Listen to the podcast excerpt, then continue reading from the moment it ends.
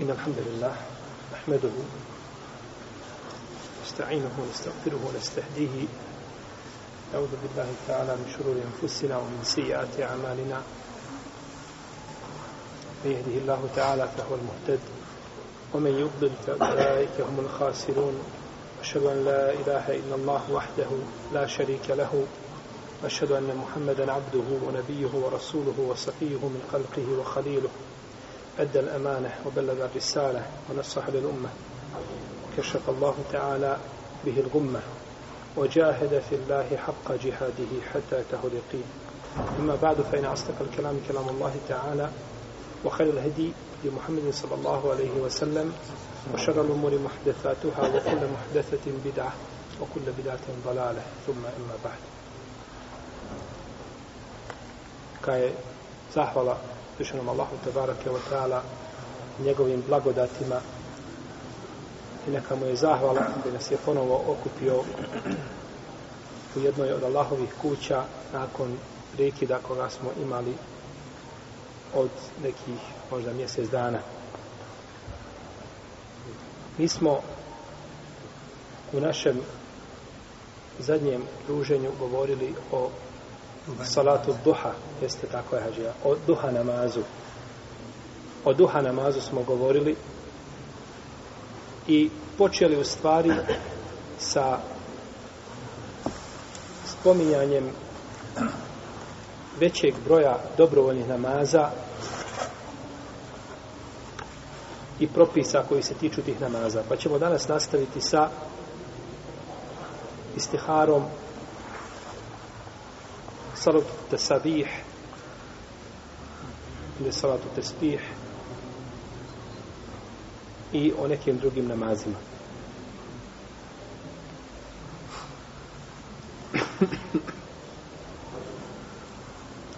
Kada čovjek želi da uradi neku stvar koja je mubah, koja je legitimna, odnosno dozvoljena u šarijatu, koja je dozvoljena u šarijatu, a ne zna da li je to dobro za njega ili nije, lijepo mu je da klanja dva rekiata. Lijepo mu je da klanja dva rekiata. Mimo farza. I da nakon toga dovi sa dovom koju je poslanik sa osam poučio ashabe. Tako je došlo u hadisu koga bileže Buharija, Abu Davud, Tirmizi i drugi da je poslanik sallallahu alaihi wa sallam rekao إذا هم أحدكم بالأمر فليركع ركعتين من غير الفريضة ثم ليقل kad neko od vas želi da uradi određenu stvar, a jel ne zna da li je dobro za njega, neka klanja dva rekiata mimo farza i potom neka kaže pa je poslanik sallallahu alejhi ve sellem poučio ashabe ovoj dovi koja se uči nakon istihare namaza u kojoj kaže poslanik sallallahu alejhi ve selleme اللهم إني أستخيرك بعلمك وأستقدرك ب... وأستقدرك بقدرتك وأسألك من فضلك العظيم فإنك يق... فإنك تقدر ولا أقدر وتعلم ولا أعلم وأنت علام الغيوب. اللهم إن كنت تعلم أن هذا الأمر ويسمي حاجته. Ovdje spomene onda ono što želi. Spomene ono خير لي في ديني ومعاشي وعاقبة أمري أو قال عاجله وآجله فاقدره لي ويسره لي ثم بارك لي فيه. وإن كنت تعلم أن هذا الأمر شر لي في ديني ومعاشي وعاقبة, وعاقبة أمري أو قال عاجله وآجله فاصرفه عني واصرفني عنه واقتر لي خير الخير حيث ما كان ثم ربني به. To je znači dova koja se uči nakon istihare namaza.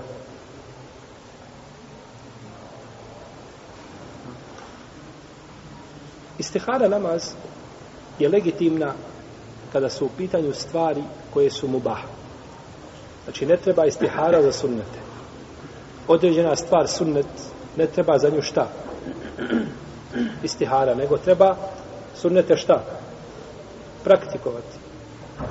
Pa nije pohvalno da čovjek ostavi praktikovanje sunneta, osim tamo kada šarijat od njega traži da ostavi to praktikovanje, kao na primjer da ne klanja na putu, šta? Četiri rekiata, na primjer, podnenama, podnenskog e, sunneta, ili dva rekiata posle, posle akšama i slično tome. U protivnom, sunnete je pohvalno praktikovati, pa ne trebaju, zbog toga ne treba šta? Istihara namaz. Ne treba istihara namaz. Čovjeku ne treba istihara namaz da li da se ženi. Je li tako? Ako ne znate, pitajte ove neoženjene. Ne treba mu istihara da li da se ženi. Jer je ženitba sunnet i da se čovjek što prije ženi, to je sunnet. I našto kada živi u mjestu gdje je iskušan, nego mu treba istihara sa kojom ženom da se ženi. Tako. To može biti. Ali da se ženi, ili s koje zemlje da se ženi, slično tome. Ali u osnovi daj propis da praktikuje je šta sunnet, zato mu ne treba šta. Zato mu ne treba istihara. Osim ako čovjek u datom momentu se nađe u situaciji da ne može odlučiti, kao što Ulema kaže, a, za sunnete se a, klanja istihara samo u slučaju kad ne možeš obaviti dva sunneta. A, ne možeš obaviti šta? Dva sunneta. Pa jedan moraš ispustiti. Jedan moraš ispustiti. Naprimjer, čovjek može se ženiti, može otići na hađ. Međutim, koliko mu je god bitan hađ, toliko je bitna šta i ženit, ber je iskušan. Šta da uradi? Može čovjek, znači, u određenim momentima da s te strane klanja šta? Istiharu, no međutim, u osnovi za sunnete se ne klanja istihara, nego se klanja samo za stvari koje su šta? Mubah, koje su dozvoljene. Koje su dozvoljene.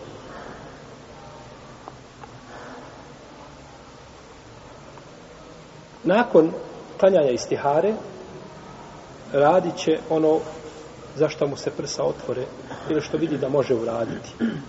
Što mu je drago da uradi. A neće na ono što je želio prije istihare. Čovjek prije istihare htio nešto.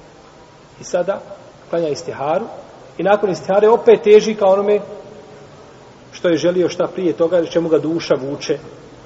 Tad nije onda klanjao istiharu Allahu, nego je traži savjet od svoje duše.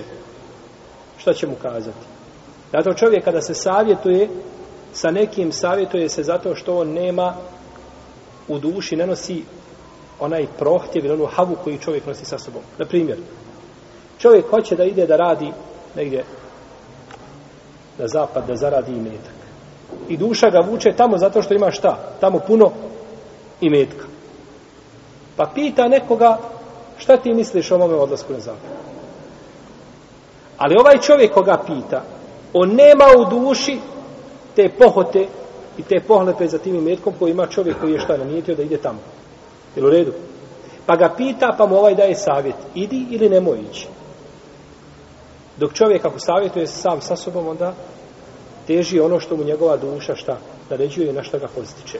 Pa je s te strane ovdje istihara, znači namaz, da čovjek ne sledi svoju znači strast, nego da mu Allah što on da i da mu lakša ono što je najbolje za njega i za njegovu, i za njegovu vjeru. Nije uvjet da čovjek nakon obavljene istihare namaza vidi nešto u snu. To nije šta? Uvjet. To nije uvjet. Nego dovoljno je znači da mu se prsa otvore za određenu stvar i da radi ono što je dozvoljeno vjerom. Stoga mnogi ljudi klanjaju istiharu i kaže nije mi se ništa pokazalo u snu. A ko je to rekao da ti se mora pokazati u snu? Onda čovjek nikada ne bi ga zlo zadesilo.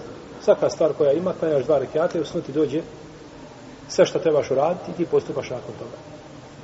Pa to je slučaj sa poslanicima. Ni oni nisu imali to što hoće određeni ljudi. Nego znači čovjek klanja i osloni se na Allaha te barake o teala da mu dadne ono što je najbolje za njega. Možda će nekada uzvišeni Allah za uđelu odrediti čovjek ono što on misli da nije po njega šta? Dobro. Ne odgovara njegovoj duši, njegovoj hagi. I braćo, mi kada bismo se slomili razmišljajući o mudrosti Allahove odredbe po pitanju određenih stvari, nikada to ne bi shvatili mogao bi čovjek uništiti samog sebe, nikada neće razumjeti zašto je uzvišen Allah odredio određene stvari, zašto je dao nevjernicima da uživaju, da se naslađuju, a vjernicima nije to dao. A vjernici su preči da to imaju. Zašto je čovjeka iskušao? Zašto je iskušao tebe, dragi brate, da izgubiš dijete? Kada bi se slomio, ti ne možeš shvatiti zašto te Allah iskušao. Iz kog razloga? Koja je mudrost? Pa tako, čovjek kada uzvišeni Allah nešto odredi mu, nakon te istihare ne treba znači da da žali zbog toga ili da misli da mu Allah hoće loše, to je ružo mišljenje stvoriti raza ođer, nego treba znači da je ubijeđen da mu uzvišeni Allah neće nego najbolje i da će na kraju ta stvar koju je odredio biti dobra po njega, bilo na dunjaluku ili na ahiretu. Wasa asan tekrehu šejen, وهو خير لكم وعسى أن تحبوا شيئا وهو شر لكم والله يعلم وأنتم لا تعلمون Možda mrzite neku stvar, ona dobra po vas. Možda je volite, ona zlo po vas. Vi ne znate, a Allah zna. I u tome je, znači, mudrost Allahove te barak do tala odredbe. Istihara je dova, pa kod nekih učenjaka nema smetnje da se ponavlja. Za istu određenu stvar, za jednu te istu stvar da se istihara ponovi šta više puta. Dok kod neke uleme kažu ne, istihara se ponavlja samo jedan put se klanja i to je dovoljno. Jedan put se klanja za određenu stvar i neće se ponavljati. U svakom slučaju to je razilaženje. Pa jedan hadis koga bliži Ibu koji ima potpuno slab lanac prenosilaca, znači nije hadis vjerodostojan, u kome stoji da je poslanik sallallahu alaihi sallam rekao kada neko želi da uradi određenu stvar, a znači nedoumici je šta da učini, neka klanja sedam puta istiharu namaz. No, međutim, ovaj hadis je potpuno slab.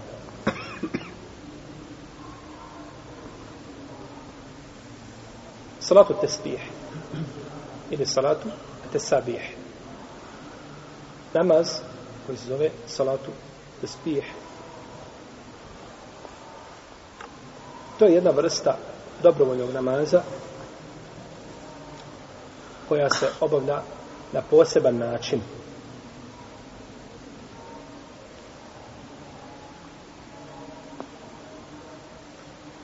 Što se tiče hukma i propisa ovoga namaza, islamski učenjaci se razišli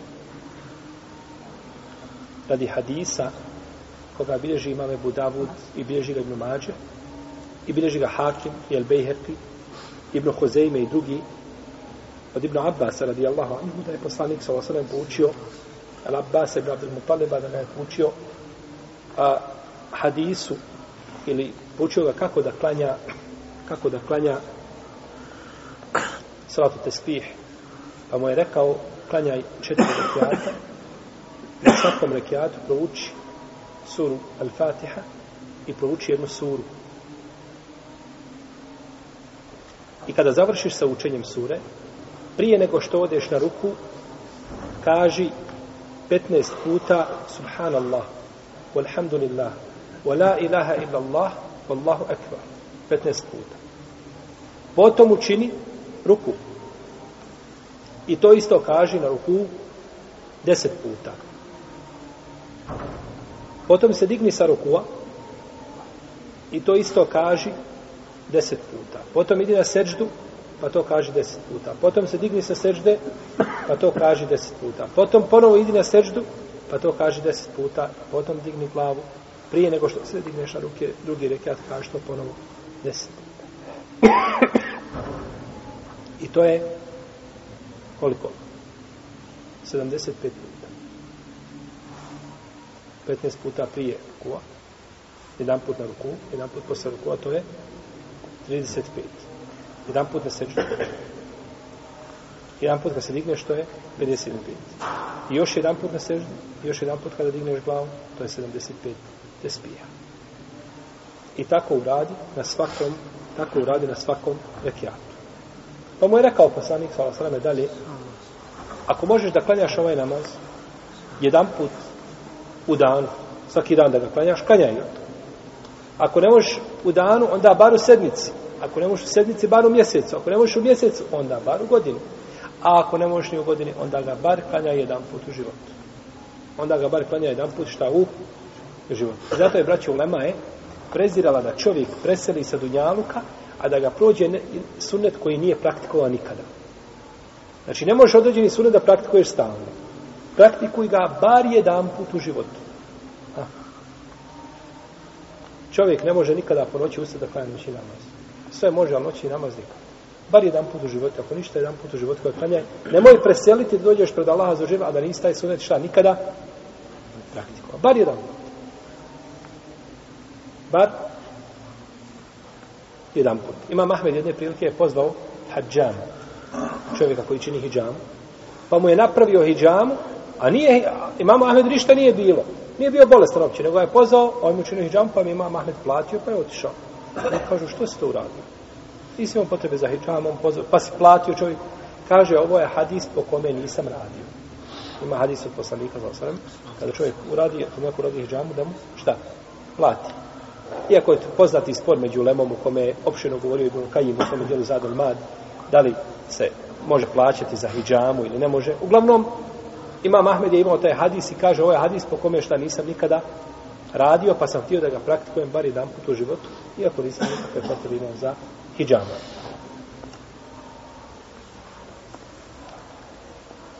Ovaj hadis je jedan od hadisa oko kojih se ulema razišla. Znači, razilaze se oko ovoga hadisa na različita mišljenja ili znači po pitanju njegove vjerodostojnosti. I to nije čudno. Dosta je hadisa oko kojih islamski učenjaci imaju različita mišljenja po pitanju njihove vjerodostojnosti.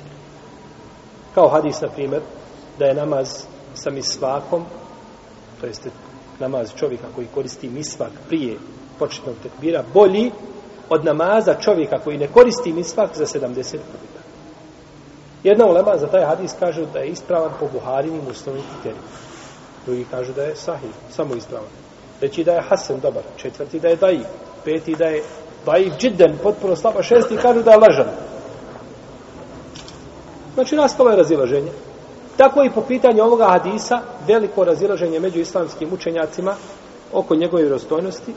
Ibn Hajar kaže u svom djelu Talhisul Habir, kaže, došao je ovaj hadis sa puno puteva.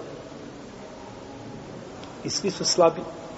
Međutim, hadis put Ibn Abasa je najbliži da bude Hasan. No, međutim, je izniman. Izniman je. Znači, ne prihvatiti ponovno. Jer, kaže, nema ništa što ga podupire. U svakom slučaju spominje se da ima Mahmed odbio ovaj hadis i Tirmizi Ibn al-Arabi al-Maliki on je šejh imam al-Kurtubija i drugi da su odbili ovaj hadis čega Ibn Džauzi spomenuo u svojim lažnim hadisima. Ibn Džauzi ga je spomenuo u lažnim hadisima, no međutim, neka ulama to sudila, sudila riječ Ibn Džauzi, što ga je, ili ovaj postupak što ga je spomenuo u svojim lažnim hadisima. A prihvatila ga je skupina uleme, kaže Ibn Munzir da ga je prihvatio ima Muslim, je Budavud i Hakim, i Bejheqi i od savremene uleme Ahmed Šakir, poznati u hadis iz Egipta, i šeha Albani su prihvatili ovaj hadis. U svakom slučaju, braćo, prihvaćanje, prihvatanje, prihvatanje ili odbijanje ovoga hadisa je vezano za ičtihad. Jer je ocjena hadisa da li je vjerodostojan ili slab ičtihad. To nije šta? Objava. To je ičtihad.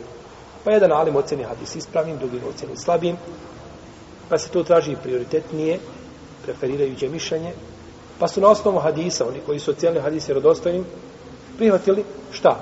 Ovu vrstu namaza. Dok oni koji su odbacili hadis, poput šeho Islama i Mutemije i drugi, nisu to prihvatili i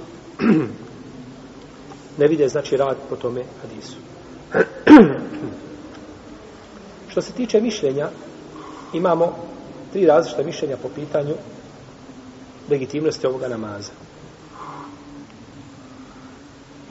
Prvo mišljenje je da je salatu tespih mustahab. Da je pohvalno da se klanja. I to je stav Ibn Mubareka, Abdullah Ibn Mubareka i on ga je klanjao. I nekih šafijskih učenjaka iz potonjih generacija. Oni su to znači radili zato što su prihvatili šta hadis kao vjerodostojan. Drugi kažu da ne smeta da se klanja. Ne smeta. Džaiz, dozvoljeno je da se klanja ovaj namaz. I to je stav nekih hambelijskih učenjaka, čak kaže Ibnu Kudame, kaže to je fadailul a'mal, to je činjenje dobrih dijela, a za činjenje dobrih dijela nije potreban sahih hadis, nego je dovoljno šta i i daif. Može se raditi po daif hadisu. I treće mišljenje da ovaj namaz nije legitiman i da ga ne treba činiti. I to je mezeb imama Ahmeda i rekao je ne svi, ne dopada mi se ovaj namaz. Pa su mu kazali zašto? Kaže, nema ništa vjerodostojno, pa je puhnuo u svoje dlanove. Znači, nema ništa vjerodostojno po pitanju šta? Salat te. Zato što nije prihvatio autentičnost hadisa koji govori, znači, o ome namazu. Imam Neovi je isto tako odbio, je šafijski učenjak odbio je, znači, a ovaj hadis i smatra da nije pohvalno klanjati ovaj namaz.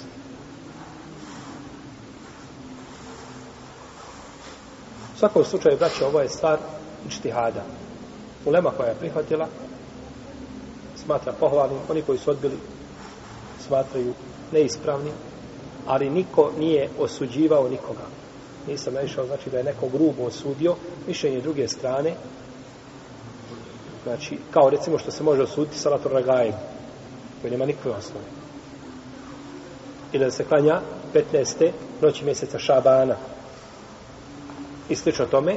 Znači, te, te, namaze nemaju nikakve osnove. Mogu, može se osuditi. Dok Salatu tespih ima nekakvu osnovu, ima hadis koji ima puno različitih puteva, e sada je stvar da li je neko prihvatio hadis ili ga je, ili ga je odbacio.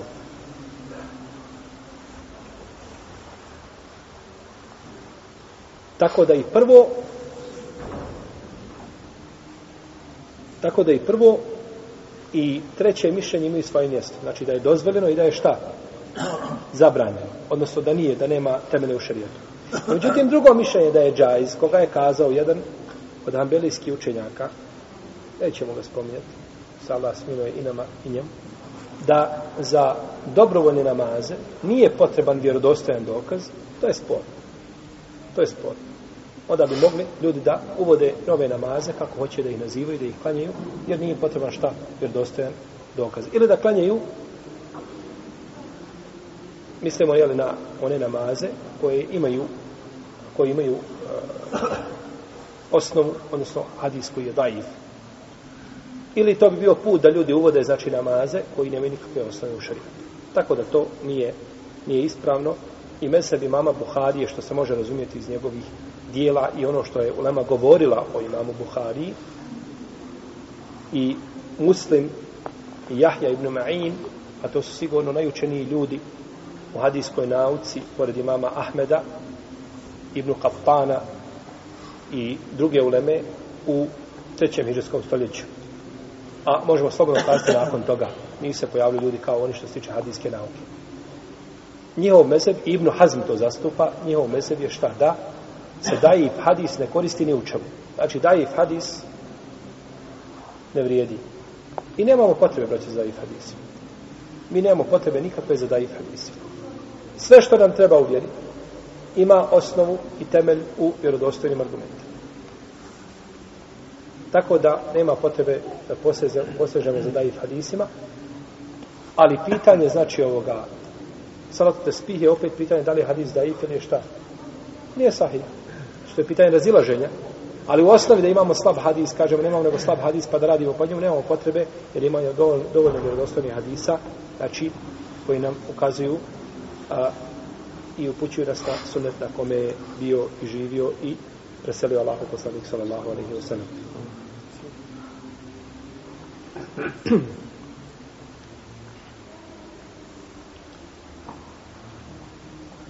Još ulema koja kaže da se može raditi po daif hadisu, oni navode šartove. Nisu to tek tako pustili.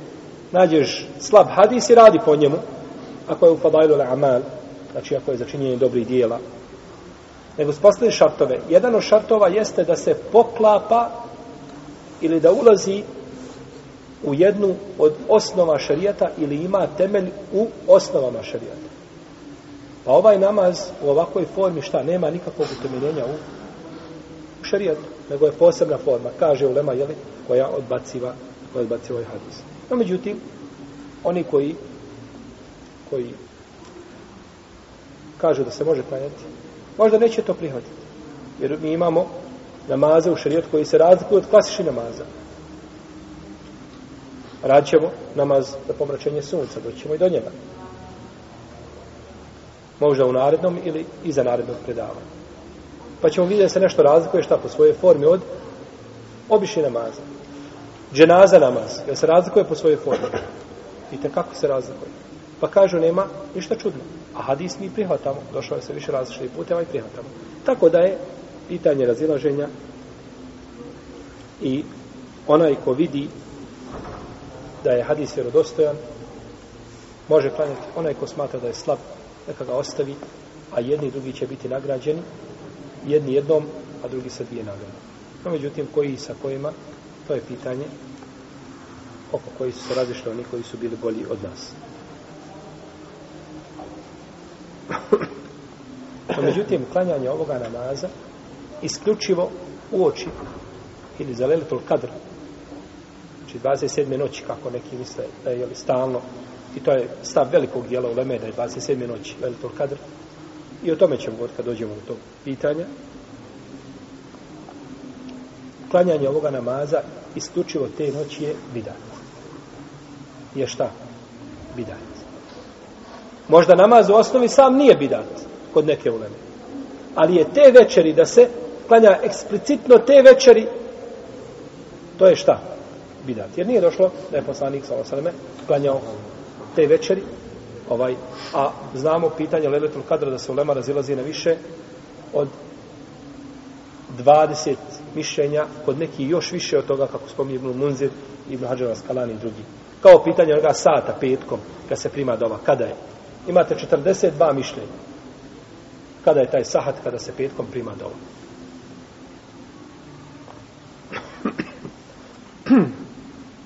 Ovo je znači što se tiče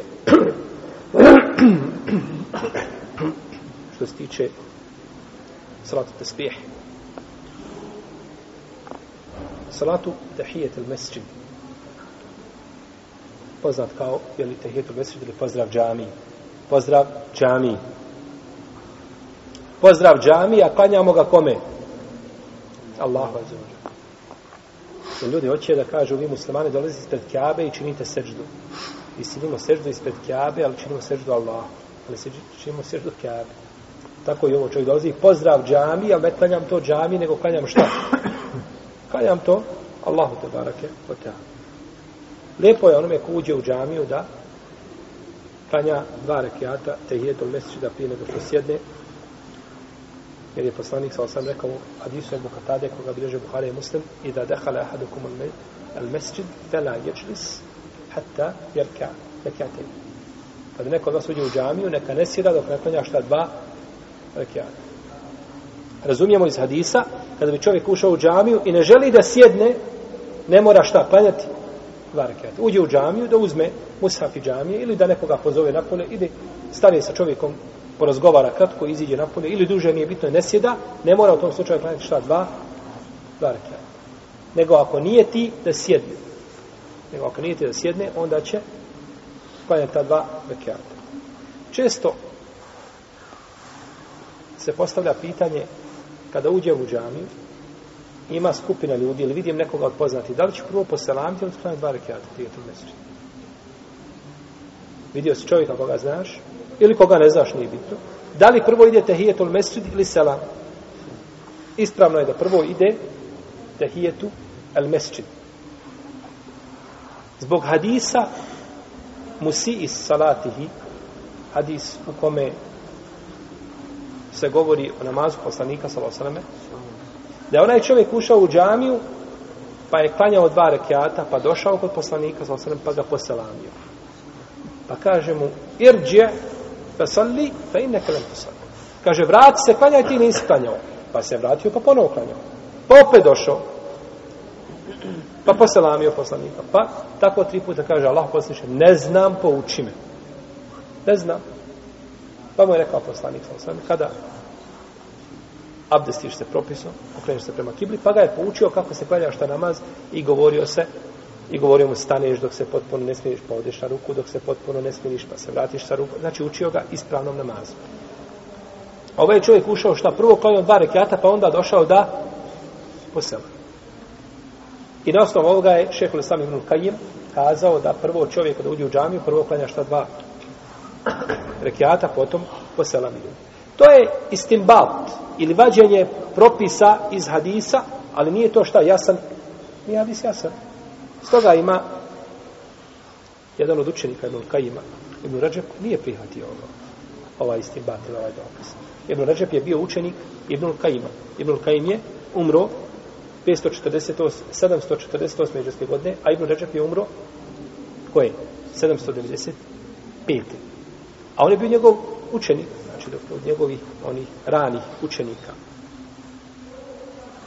Ili je bio mlad dok je bio, jeli, je sjedio u halkama, Ibn Kajim. U svakom slučaju, da je to mjesečice, znači kanja prije nego što čovjek sjedne. Imate hadis Džabira ibn Abdillaha, da je ušao u džamiju Sulej al-Qatafani i hadis bilježi muslimu su sahihu i drugi, da je došao i da je sjeo i da nije klanjao, pa mu kaže, jesi li klanjao? A poslanik sa je bio na minberi. Nisam, kaže, ustani, klanjaj. Ustani i klanjaj. Pa će čovjek klanjati ta dva rekiata, iako imam bio na minberi. I možda ćemo o tome nekada kasnije govoriti, u svakom slučaju ima o tehijetul mesiču, imate dosta u knjizi o džumi. Džuma nam, namaz, ravni propisi, pa ko bude imao priliku, neka se vrati, neka pročita, imate dosta o tehijetul mesridu i propisima tehijetul mesrida koji su tamo spomenuti. Pa mu je rekao, ustani, kum perka rekatein. ustani i klanjaj dva rekiata.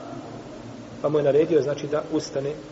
Prvi je, kao riječ poslanika, za osaname, naredba, ili zabrana da se sjede prije što se ne klanja, a drugi je kao postupak. Pa imate ovdje šta?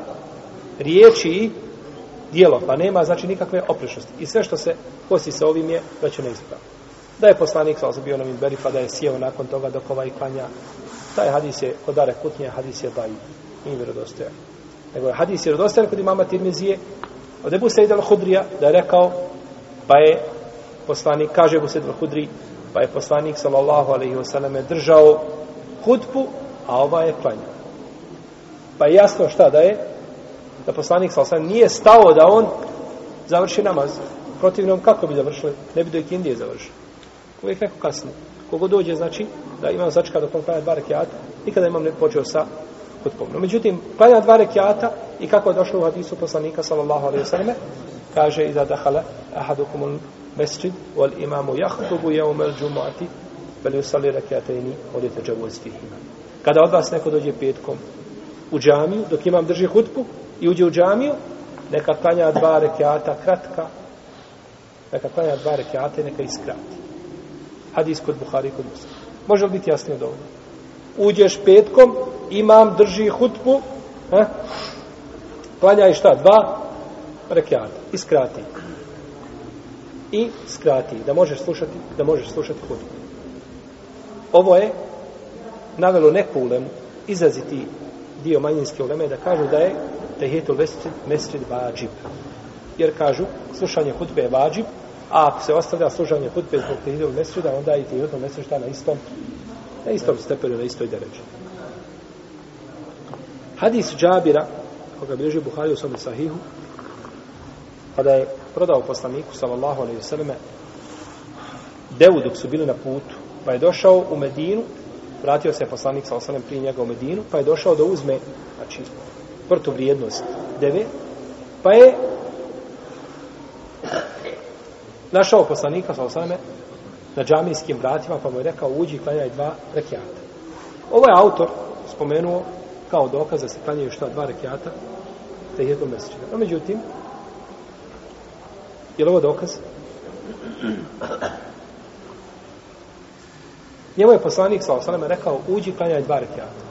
Ovo bi prije bio dokaz da klanjanje dva rekiata kada se čovjek vrati sa puta. Jer je poslanik sallallahu alaihi wa sallame običavao kada se vrati sa puta da klanja šta? Dva. Prvo došao u džamiju. A došao u džamiju kao da kaže ljudima, evo ja sam se vratio sa puta u džamiji sam, ako me neko treba, neka mi se obrati. Znači prvo se pojavi gdje u džamiju i onda nakon toga ide svoje kuće. Pa možda bi ovo prije bio dokaz za ovaj a, namaz nego za tehijetul mesečinu. I iako za tijetom mesec postoje brojni drugi dokaz. Ovaj hadis poljašnjost hadisa ukazuje da je ovo naredba, je tako? Neka klanja dva rekiata. Ustani i klanjaj dva rekiata, naredba. Neka ne sjeda dok ne klanja šta? Dva rekiata. To je zabrana. A mi znamo za zabrana da je osnova da je u zabrani da povlači za sobom znači propis harama, a da naredba povlači obavezu, pa onda bi bilo šta, pa Klanjanje dva rekiata, vađu. No, međutim, većina uleme i sa njima Ibnu Hazm kažu da je to mustahab. Pazite dobro sad. Većina uleme i sa njima Ibnu Hazm kažu da je to mustahab. Zašto kažemo većina uleme i sa njima Ibnu Hazm?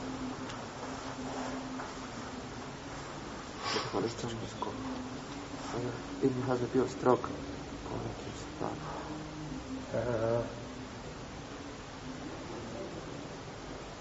Bukvalistička pa, pa pripada. Dobro. Š, imam šafija sa ima i ti kada je šafijska pravna škola. Jesi mi dao odgovor? Nisam. Ko će nam dati odgovor da, da ga nagradimo neći? Jeste. Ibn Hazm je postao alim zbog slučaja, jeli, učio je zbog slučaja pitanja titul mesrida. Međutim, zašto kaže? Pazite još jedan put. Došla je naredba u hadisu. A, naredba. A naredba povlači za sobom šta? Obavezu. No, međutim, većina uleme, pa sad njima čak i Ibn Hazm, kažu da ova naredba da, ne, da nije obaveza, nego da je mustahab. Zašto ovdje spominjamo posebno Ibn Hazma? Zato što je vjerovatno onaj, kod tih hadisa onaj bio strog, ako u hadisu dođe tako da je naredba, onda naredba Bravo. ne. To je to. Zato što je Ibn Hazm bio, ovo što je brat kazao, bukvalistička pravna škola, znači po spoljašnje razumijevanju, u redu. Šta je spoljašnje razumijevanje? Kod njih kad se kaže da je došla naredba, to je naredba i završena. Ili zabrana, to je zabrana i završena. Znači uvijek su išli ti po, ti, po tom, iako je to osnova, No, međutim, ponekad su tu, znači, prelazili granicu, pa tamo gdje nije naredba, znači, naredba sama po sebi, oni su je uzeli, znači, da je naredba kategoričkog, znači, ove, kategoričke forme. Tako da, čak i Ibnu Hazm, koji je, znači, bio a, po pitanju, znači, naredbi i zabrani, zabrana išao je, znači, po tom spoljašnjem značenju hadisa, čak je i on kazao da je ova naredba ovdje, da nije kategoričkog stepena nego znači da je nešto ispod šta toga. To jeste da je tehijetul mesrid mustahab, a da nije šta? Vađib. A da nije vađib. I to dokazuju hadisom kada je poslanik sa Allahom rekao da je Allah što propisao pet namaza muslimanima. Pa jedan od saba rekao Allahu poslaniče. Ima li nešto mimo toga? Kaže la ila ente tawa. Kaže nema osim dobrovoljnog klanjaš. Kaže vidimo da je ovdje šta pet namaza propisani, a oni drugi šta su dobrovoljni. Pa vidite da je to jedan mesud, šta? Dobrovoljni namaz. No, međutim, imam Šaukjan je odgovorio na ovaj hadis, pa kaže, ovaj ashab kada je pitao, imam li ja druge, to se odnosi na namaze koji su u osnovi propisani. Ha, koji su u osnovi propisani. U redu. Je li tehijet, tehijetul mesud propisan u osnovi? Nije. Nego je on vezan za čovjeka koji želi šta da sjedne kada uđe u džamiju.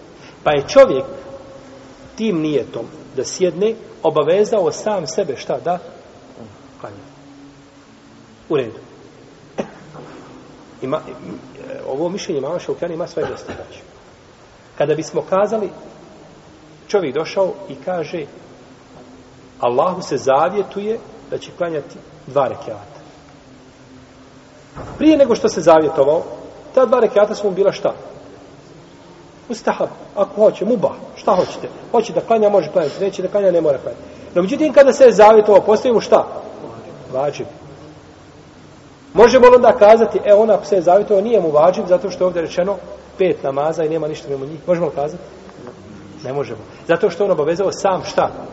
Sebe, je tako? Kao ovo što je sam sebe obavezao kada želi da sjedne. Ja želim sjesti sam sam sebe obavezao da klanjam šta dva rekiat, Kao onaj što se je zavjetovao. Pa ovaj hadis dokazivanje sa njim, znači ovo je precizno razumijevanje hadisa od imama Šaukjani, rahimahullahu ta'ala, i zaista ne bi, znači, moglo, ne bi moglo biti ovaj, eh, na ovom mjestu. Može biti argument, ali ne može biti kategorički, znači da se dvije stavoleme koja kažu da je vađiv. Ima hadis koga bileže imam Buharija i drugi od Ebu Elejta, El-Waqidija, radijallahu anhu, da je rekao Bio je poslanik sallallahu alaihi ve jedne prilike u Međlisu sa ashabima. Pa su prišla trojica ljudi. U predaji kod Enesa pa su tuda prolazila trojica ljudi pored tog Međlisa Koji je bio u džami. U džami je sjedio poslanik sallallahu osreme, ve u znači u halki. Pa su oni prolazili vjerojatno pored džamije, pa su vidjela, pa su dvojica ušla u džamiju, a jedan je otišao. Pa je jedan došao bliže Mečlisa je našao jednu prazninu i sjeo u nju. A drugi je izdvojio se van, jer nije mogao naći mjesto, van te halke, ali je blizu nje bio, a treći je, znači, otišao. Pa je poslanik, sallallahu alejhi ve selleme rekao,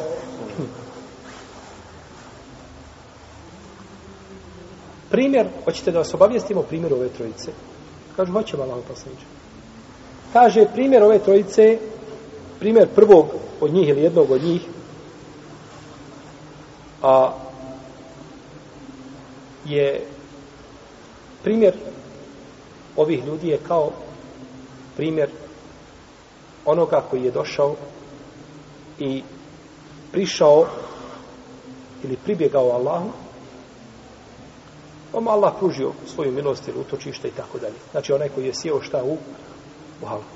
Onaj drugi koji se izdvojio, sjeo je van halke, i on je sjeo van halke, kaže, festahja, festahja Allahu minhu. On se je postidio, pa se Allah njega postidio. Znači nije imao mjesta, pa se izdvojio nazad. Nije htio, znači, ljudi uzemiravati da sjeda. A treći se okrenuo i otišao, pa se Allah okrenuo od Kažu ovi učenjaci, pogledajte, kaže ovdje, da su ušla ova dvojica i sjeli. Nisu šta? Klanjali. Nisu klanjali. Dobro, jesu li klanjali? Allah najbolje za nas. Nije spomenuto u hadisu. Znači li ako nije spomenuto u hadisu da nisu klanjali? Problematično. Nije spomenuto da je poslanik sa Osaleme na muzdelitu kada je bio na oprosnom hađu.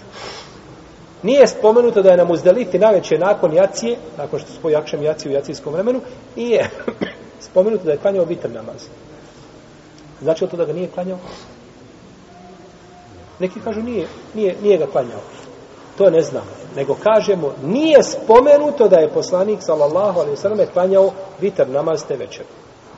Dobro. Došao je, na primjer, jedan od sahaba kaže, došao je poslanik, sallallahu alaihi sallam, i klanjao nam je podne namaz, predvodio nas.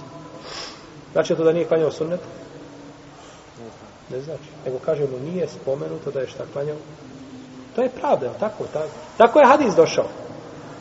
Tako isto je ovdje. Dvojica su ušla i nisu nije spomenuto da su klanjate litru mesec, nego su prišli i može se zaključiti. Došli su, stali, jedan našao mjesto sjeo, znači nije spomenuto e, da su klanjali i to bi bilo spomenuto. Može se tako govoriti, ali se ne može kazati kategorički nisu šta. To mi ne znam. Jesu li poselamili? A? Ne znam. Znamo da su posalami. To znamo.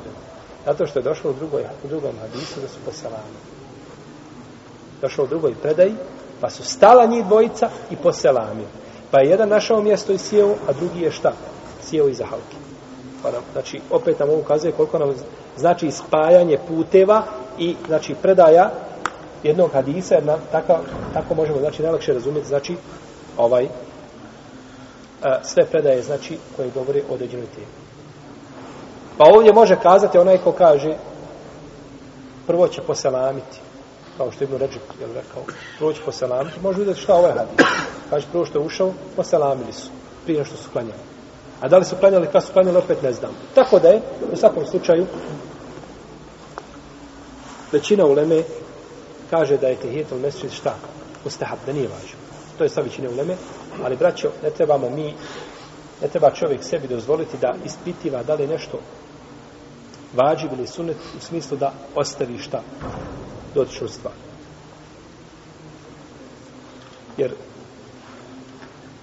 imam Šaltibi kaže da ashabi nikada nisu razlikovali između naredbe koja je za sunnet i naredbe koja je za vađiv. Nego su činili. Došao je Tidinu Mesir, nemoj sjedati dok ne klanjaš dva rekiata, završeno. Nemoj činiti, osim ako je nužda da čovjek zaista ne može ili je ovaj u takvom halu i stanju. Čak neka olema kaže, uh, slušao sam neke šehove današnjice da kažu kada uđeš u džamiju petkom i nemaš u džamiji nigdje mjesta da klanjaš dva rekiata. Kaže, sjedni, klanjaj sjedeći. Sjedni i klanjaj tu gdje su sjedeći, klanjaj, kažu, do, na fila klanjati šta i od sjedeći. A nemoj ostaviti nikako dva, šta? Dva rekiata. Šeh Albanija sam čuo da kaže, uđe, kaže, u džamiju, kaže, ko, kokoš u svoje gnjezdo, kaže, sjedne, kaže, a ne klanja dva rekiata. Rahimahullah. Znači, dva rekiata ne treba nikako ostavljati koju mogućnost da ih klanja. Klanjaju se ova dva rekiata čak i u vremenu zabrana, koja je zabrana, je u katu nehi. I govorili smo to, ako se sjećate, govorili smo da je tehijetel mesrid, da je jedan od namaza koji se klanjaju, znači, iako bili u tom vremenu zabrane, pojače mišljenje kod islamskih učenjaka, što je stav u Hanbelijskoj a, i Šafijskoj pravnoj školi, suprotno Hanefijama i Malikijama koji brane da se klanja u ovo vrijeme. Namaz, salatu badal vodu, namaz postaje abdesta. To smo dosta puta spominjali, govorili da je lijepo čovjeku nakon što abdesti, nakon što obnovi abdest, ili ga u osnovi uzme iz početka, znači nije bio pod abdestom, pa uz abdesti se iznova, e, iz početka, jel? A, tako mi je lijepo da klanja šta dva, dva rekiata. Zbog hadisa Ebu Horeire, u kome, se stoji, u kome stoji da je poslanik sallallahu alaihi vseleme rekao Bilalu na sabah namazu, a hadis bliže Buhari je muslim, rekao mu je na sabah namazu, kaže Bilale, obavijesti me o dijelu za koje ti očekuješ da ćeš najveću dobiti nagradu kod Allaha za ođel, jer ja sam čuo zveket tvojih papuča u džennetu. Čuo sam zveket tvojih papuča u džennetu. Pa, je, pa kaže, ne znam, kaže da ima jedno dijelo da za njega očekujem kod Allaha veću nagradu od toga da u bilo koje doba dana i noći kada se abdestim, klanjam ono što mi je uzvišen Allah omogućili što mi je propisao da klanjam. Pa je čovjek lepo da klanja dva ili više od dva rekiata. Jer Bilal je ovdje rekao ono što mi je ma kudireli. Ono što mi je znači propisano, ono što mi je Allah odredio dva, četiri, šest, osam, koliko mogu, znači klanjam. Ovaj hadis uzimaju neki koji nisu razumijeli ni akajde ehlu suneta od džemata ani sunet poslanika sallallahu sallam da se može da se može a, ovaj ući sa dunjaluka u džennetu kaže čuo sam zveke tvojih papuća u džennetu pa kaže znači Bilal je bio u džennetu pa je poslanik bio u džennetu pa nismo čuli znači niti od ashaba niti od tabina da su tako razumijevali ove predaje nego ovo je bušra Bilalu, da je on jedan od onih koji su obrazovani džennetom. Kao što je došlo za drugi ashabe, mimo one deseterice, došlo je za Abdullah ibn Mas'uda i došlo je za druge ashabi.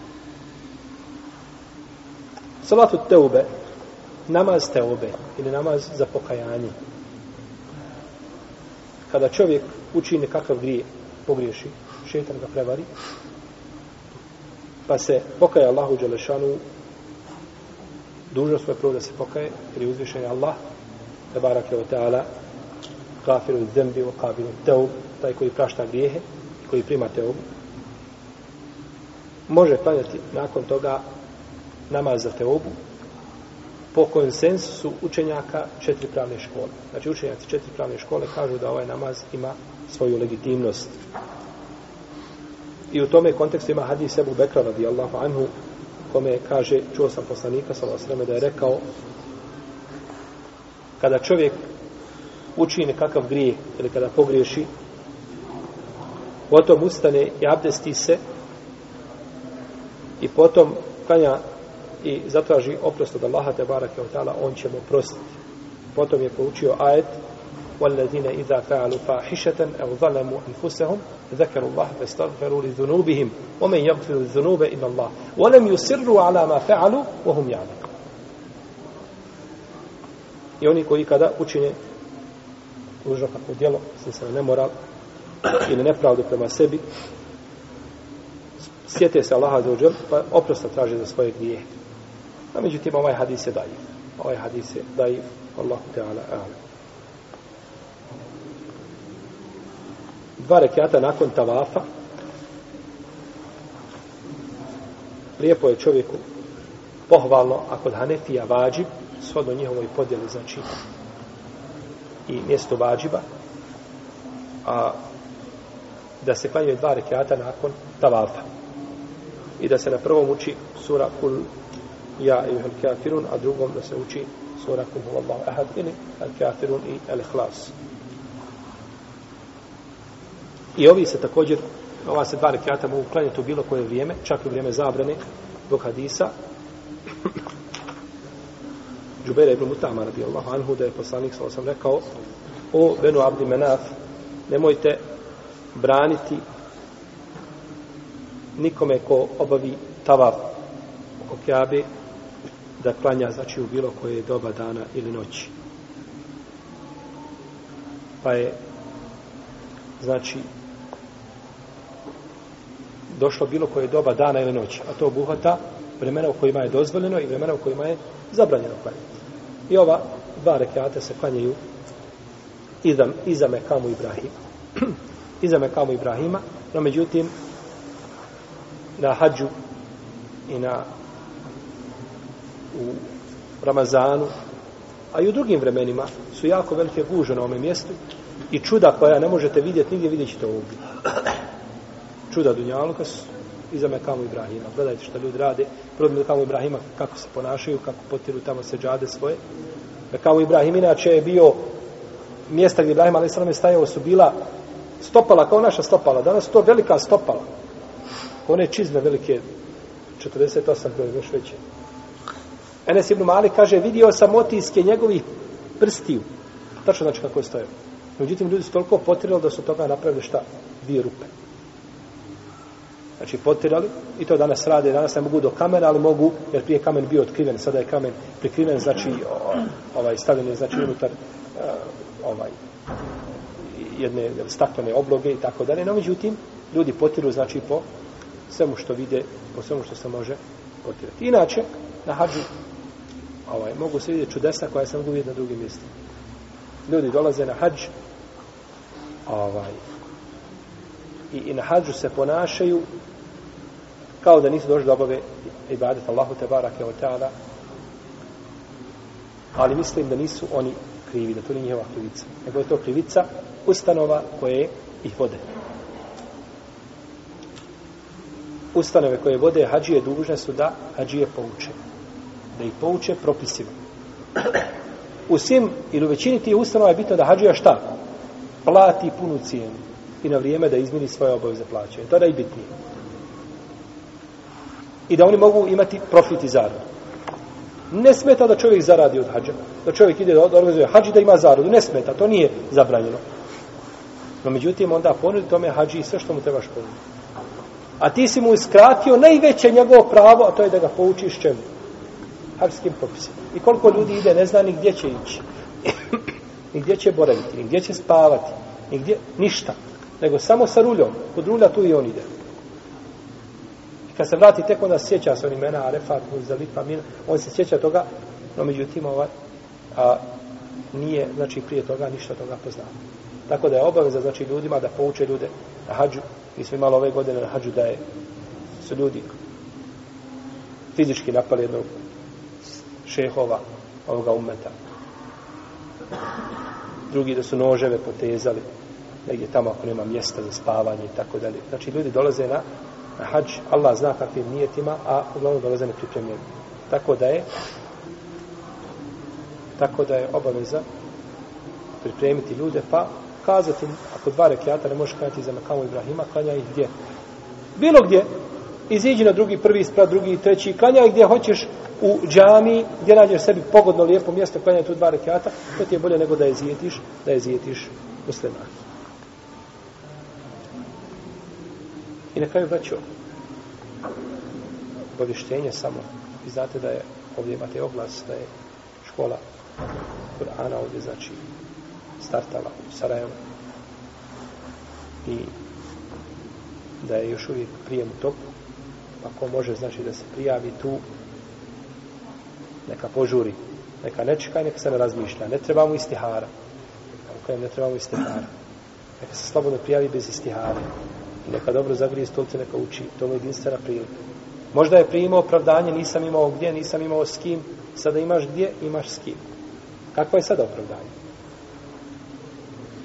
Tako da, požurite, znači, braćom, s prijavom, jer čovjek se prijavi, braćom, malo se potrudi za godinu dana, pređe možda nauči 5, 6 ili 10 džuzeva Kur'ana, a godina dana brzo prođe. Pa da učiš i da za 10 godina budeš hafiz, ti si hafiz za 10 godina. A ovako si 50 godina nisi ništa naučio. Tako. Koliko nas je godina prošla, ništa naučili nismo.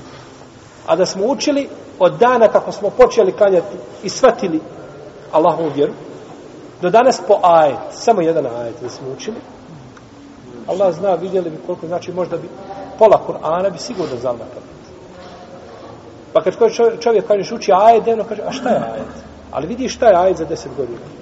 Znači pola Kur'ana, a ti za deset godina ne znaš možda još uvijek džuz ili dva jedva da se ostalo nešto se naučio. Ako i to nisi zaboravio.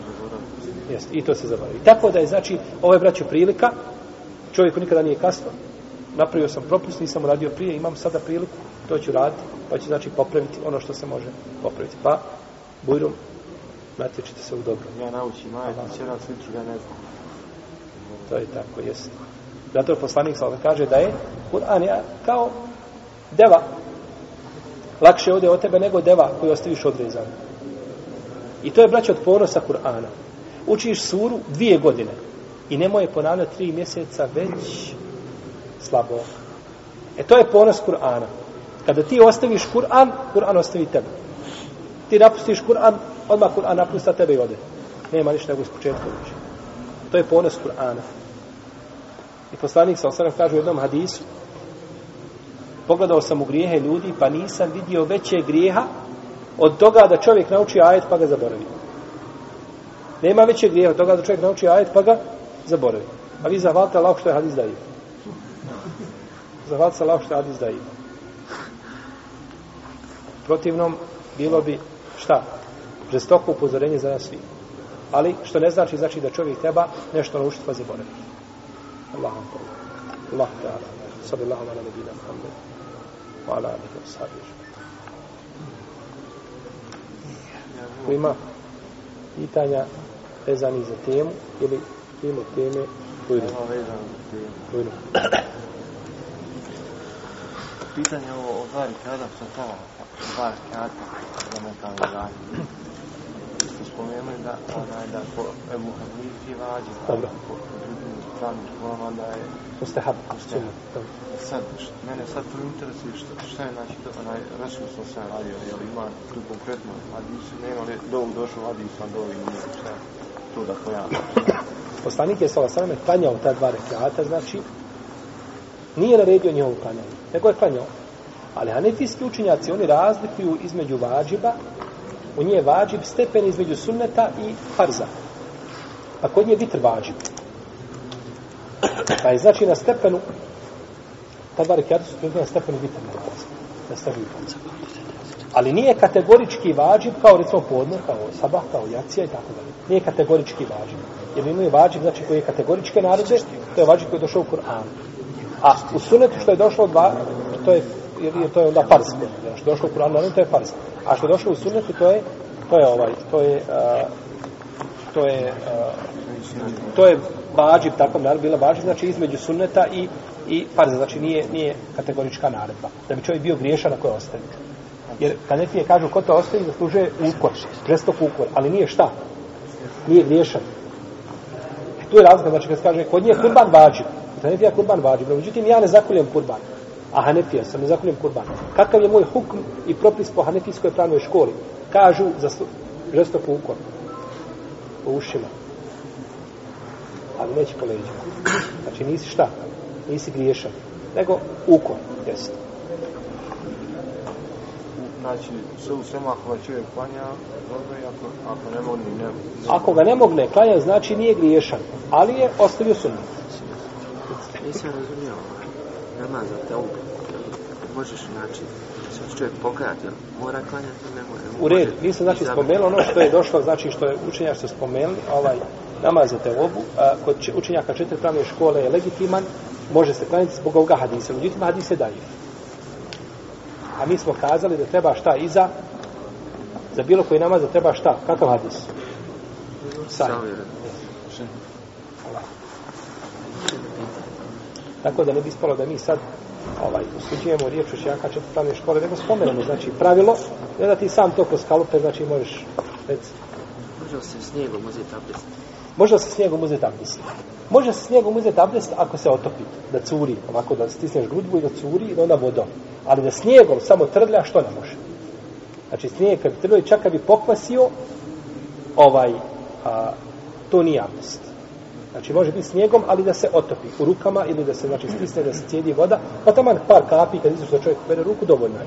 No međutim, ovaj snijeg kao snijeg samo da se trlja, to ne može. Ne ja sam tako uzmao, ali rekao si da može. Znači, ja sam voći naučio da može. Znači, da i ja neki nešto.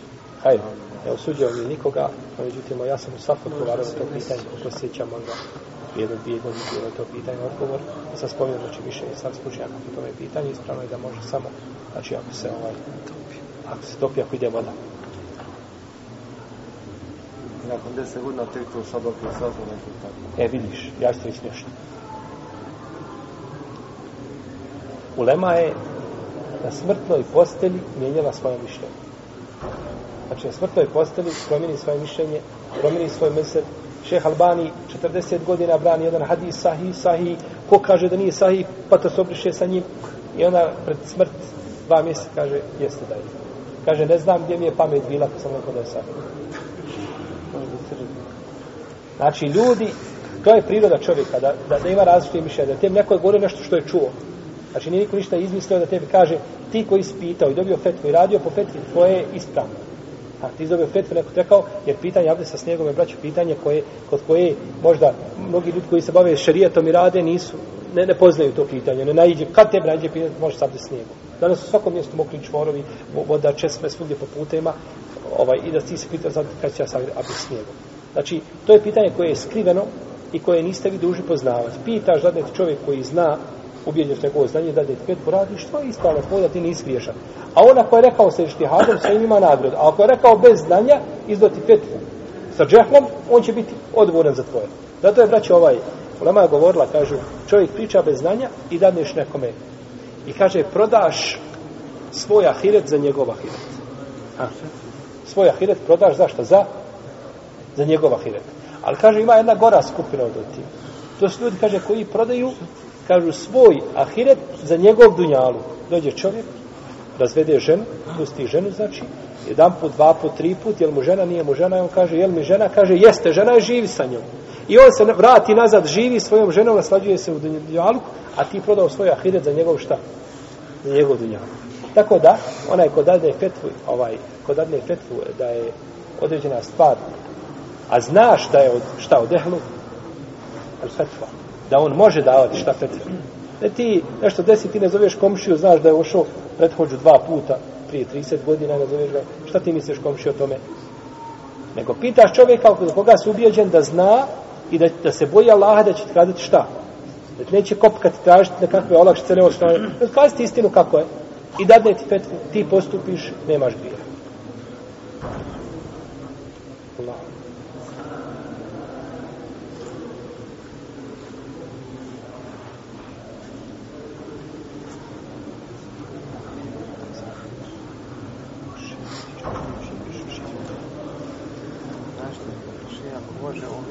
Hađa, pa onaj išao, jedan, onaj, brat na hađ, pa je slikao s njim, Dobro. tim on je snimio, znači, onaj, za Ristanu, Medinu, Dobro. i on je gledaš velika, on je, odnosno, malo, svaki dan, svaki namaz iđe nalaza, barem jedno. Dobro. I sad, oni recimo tu kopaju i čovjek, i oni ga brzo prekopavaju, kako to? Ne prekopavaju oni, bar, ne prekopavaju oni brzo. To ide prvo taj nezavistan je veliki. Jako veliki. I, znači, koristi se maksimalno usko, znači, u, da, da se stavi, znači, ovi, vidite, u kaburove. I kada prođe određeni broj, znači, ovaj, a, godina, ne znam tačno koliko da li 50, to se prekopava. Dole su temperature drugačije, vruće, prije dolazi do prije isto znači, kosti sve, nego kod nas na zima. Ovaj, a, tako da je, da je ta dubina relativno nije velika, znaš, da bi bilo, da bi bilo hla, ovaj, toplo i tako da. Uglavnom, to se prije dole ovaj, prije istu dupa se to ponovno prekopava. Znači, to je ispitivano, nije to, znači, nema tog prekopavanja kao kod nas. Što ima ponekad prekopavanja, dešava se, ljudi su pričali, kopamo mezar i nađemo hrpu kostiju i samo i u isti mezar, samo i maknemo u stranu i tu stavimo. To, je, to su belaji, ne mogu biti veći belaji. Jer poslanik sa osanom kaže da je lomiti kosti mrtvom muslimanu kao ovaj, kao živom, to je zabranjeno. Ono što ostaje u čovjeku je onaj ađebuzem, ostaje ona repnjača, to je, to, se ne, to je malo, drugo se ne vidi. I to ostaje, to, to ti ne vidiš. A druge koste one istruhnu. I to kad ode, samo se nakon toga, znači, ovo dozvoljeno jedan preko, nema razine. Tako da se vodi sa računa o tome, znači, nije to a, tek ovaj tek znači da se tek tako prekopao i da se kosti nalaze i tako da ne ne. Ja sam jednom kopao kabur, tako su naše, onaj lobalj muslimana, nije samo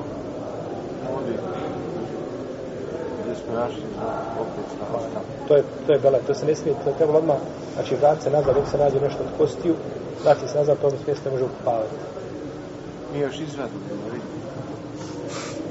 ne znači greška, znači to nismo znali. Ne smije se, znači ne smije se dirati to nikako, znači ne uzimati jedino ako je nužno da se znači smjesti na mjesto, ali znači ja dok se počne kopati, ako se vidi da ima nešto, niste znali. Čovjek udario i vidio da ima izvadio lobavu Ja ili probije. vrati nazad i ponovo zatrpaj, znači nema grijeha. Međutim, čovjek i dalje vidi, i dalje kopa kosti, i dalje kopa, to je zbelaj, to je lomljenje kostiju, to je znači kao da se uzeo muslimana, znači kakav je grije muslimana, da uzmeš novu, da mu uzmeš živom muslimanu i da mu je lomiš, e tako isto, znači, tome mrtav. To je znači muslim- musliman je mrtvi, poštovan i živi mrtav. Tako da ovaj nije to dozvoljeno raditi. Mene interesuje stav, znači islamske uleme, pošto mnogi ne znaju za davanje organa poslije smrti, pošto ovdje je sad počeo, postala moda pojedinih političara da pozivaju ljude da daju svoje organe nakon što umru. Pa zato mi uvijek kažemo da tesari i zidari ne mogu prišti vjeru. Tako ne mogu ni političar. Političarovo je da nazove i da pita kakav je propisan, nije da on priča i da daje fetve. Ali on to ne daju sa dinskog aspekta. On to daju sa nekakvog humanog aspekta. Kao ljudi, pomozite ljudima, budite humani, tako da. Što se tiče ovaj davanja organa, islamska ulema je o tome govorila, zabranili su prodaju. Prodaja je strogo zabranjena. Znači, jer od, od, od časti sina Ademova kojega je počastio uzvišen Allah jeste da se ne može kupovati i prodavati. Slobodan čovjek. Drugo je, učenjaci kažu čovjek kada umre, ti organi su u njemu. Mi ne znamo da li će te organe trebati u zagrobnom životu.